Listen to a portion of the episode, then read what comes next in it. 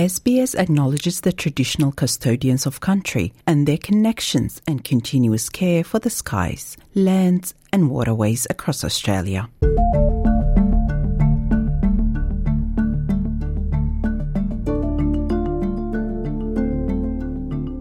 Hi there. Welcome to a new episode of the Settlement Guide podcast, a series designed to help you navigate life in Australia.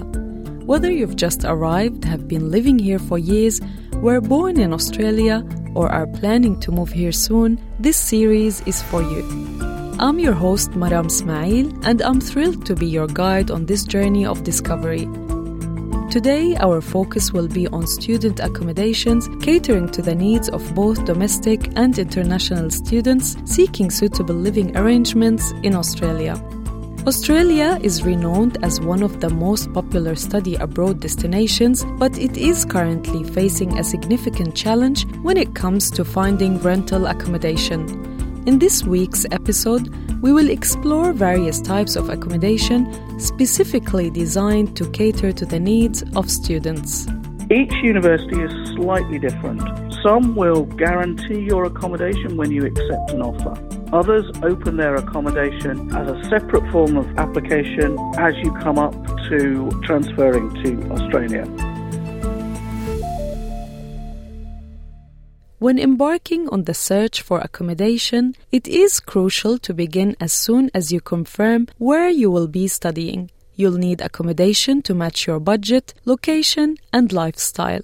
Wojtek Wawdzinski, the director of Australia Study, specializes in assisting people planning to study in Australia. His expertise lies in finding suitable accommodation options for students during their initial months in the country. One very traditional, typical accommodation we offer for students is a homestay where the students are living with Australian family in board with the food or just a room. So uh, often it's taken by the students who want to experience Australian culture as well students who are a bit younger and don't have experience in living independently. The um, average price for the homestay is around $350 per week. On the other hand, there is a rapidly growing sector in the accommodation market known as purpose built student accommodation. These professionally managed apartments are operated by businesses to cater to students, with bills and maintenance included in the rent. You'll often find partly furnished student apartments in high rise towers or large constructions close to major universities and colleges or public transport. These strategically chosen locations offer easy access to educational institutions, making them highly sought after by students looking for a hassle free living experience during their academic journey. Mr. Wawdzinski explains. Now they're organized. We have companies who work this properly. They have insurance. They don't overpopulate the rooms and apartments. So that's quite popular. The price is about 280, 300 for double room. And uh, for single room, the prices will go around 350 as well. Mostly they are three, four bedroom apartments and usually close to city.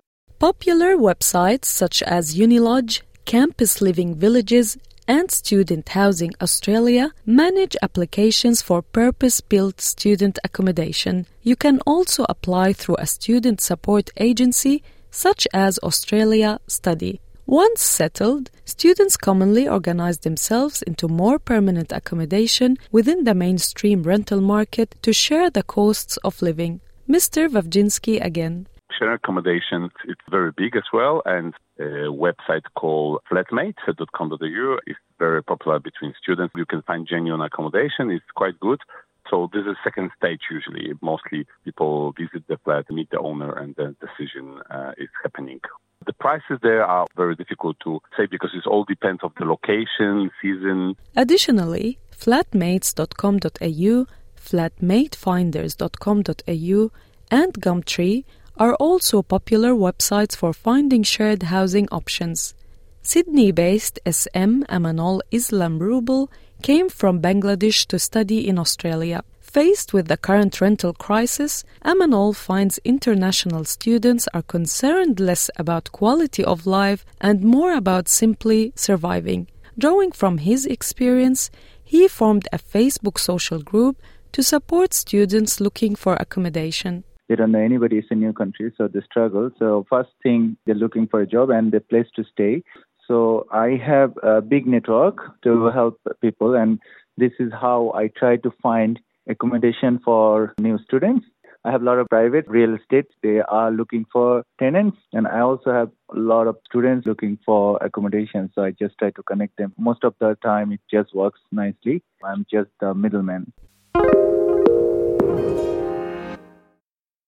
Using his contacts, Emanol matches landlords with students. He finds many owners are happy to share their homes and are often looking for students. For the landlords, they create no issues and no headaches.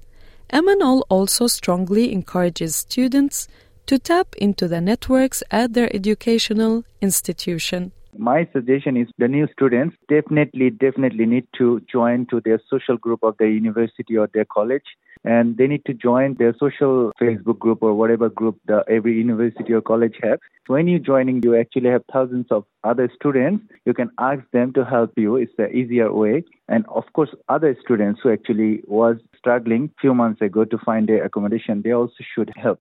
One of the biggest barriers facing international students is, of course, language. So asking for assistance in your own language is crucial. If you are new, just come to university. First thing, there is a notice board. Go and write in your own language. I'm new here. I need help. Anybody gonna pass through and if they see their own language in the board, we usually read it. We just try to find out what's happening. Community people, they love to go and check in their community group because they can read in their own language. So it is our duty to reach all those little little community group. Then I can actually help and I can ask help from others. On campus or in close proximity, you can also find several university owned residential colleges and apartments. University accommodation often provides a very social and supportive option for students.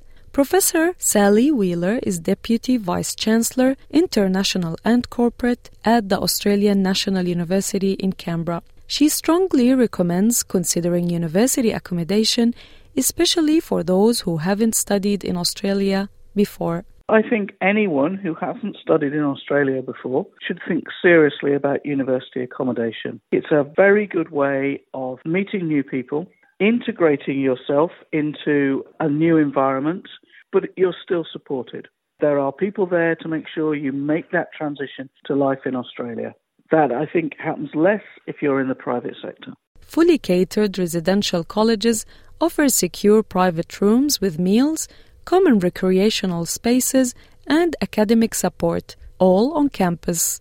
Professor Wheeler explains this arrangement. Most universities have one or two residential colleges that are affiliated to the university. Usually they have an arrangement with the university about using sporting facilities, etc. And they offer a distinctive package. Some of them are religious based, for example. Others are created by founders with particular sorts of interest. Whereas general university accommodation often gives you a choice of different sorts of packages around whether you want fully catered, part catered, or self catered. Costs for a room in a residential college vary significantly between universities, and you can pay upwards of $700 per week. However, it is essential to note that this cost is usually all inclusive, covering various amenities and services. If you prefer a more independent living arrangement but still want access to facilities and social opportunities, general university owned accommodation can be a more affordable option. Universities manage the application process for both types of accommodation. Professor Wheeler again. Each university is slightly different. Some will guarantee your accommodation when you accept an offer. Others open their accommodation as a separate form of application as you come up to transferring to Australia. For example, if you're on a January intake, then a lot of people will start applying for their accommodation in November or December before. In addition to on campus accommodation options, some universities also maintain their own databases for off campus housing. These databases are accessible to all current and prospective students, providing a valuable resource for finding alternative housing options outside the university premises. Thank you for listening to this episode of The Settlement Guide, written and produced by Melissa Campagnoni and hosted by me, Maram Ismail. The Settlement Guide managing editor is Rosa Germian. Until next time.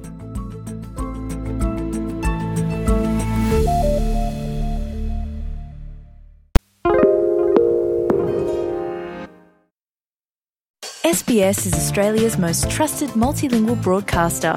Our listeners are loyal, highly engaged, and have supported countless local businesses. We offer advertising packages for businesses of all sizes. Our experienced sales team will guide you through the process of owning a great campaign. Bring your own ad or have our production team make you something in one of our 68 languages. Start the conversation with your new audience today. Email sales at sbs.com.au.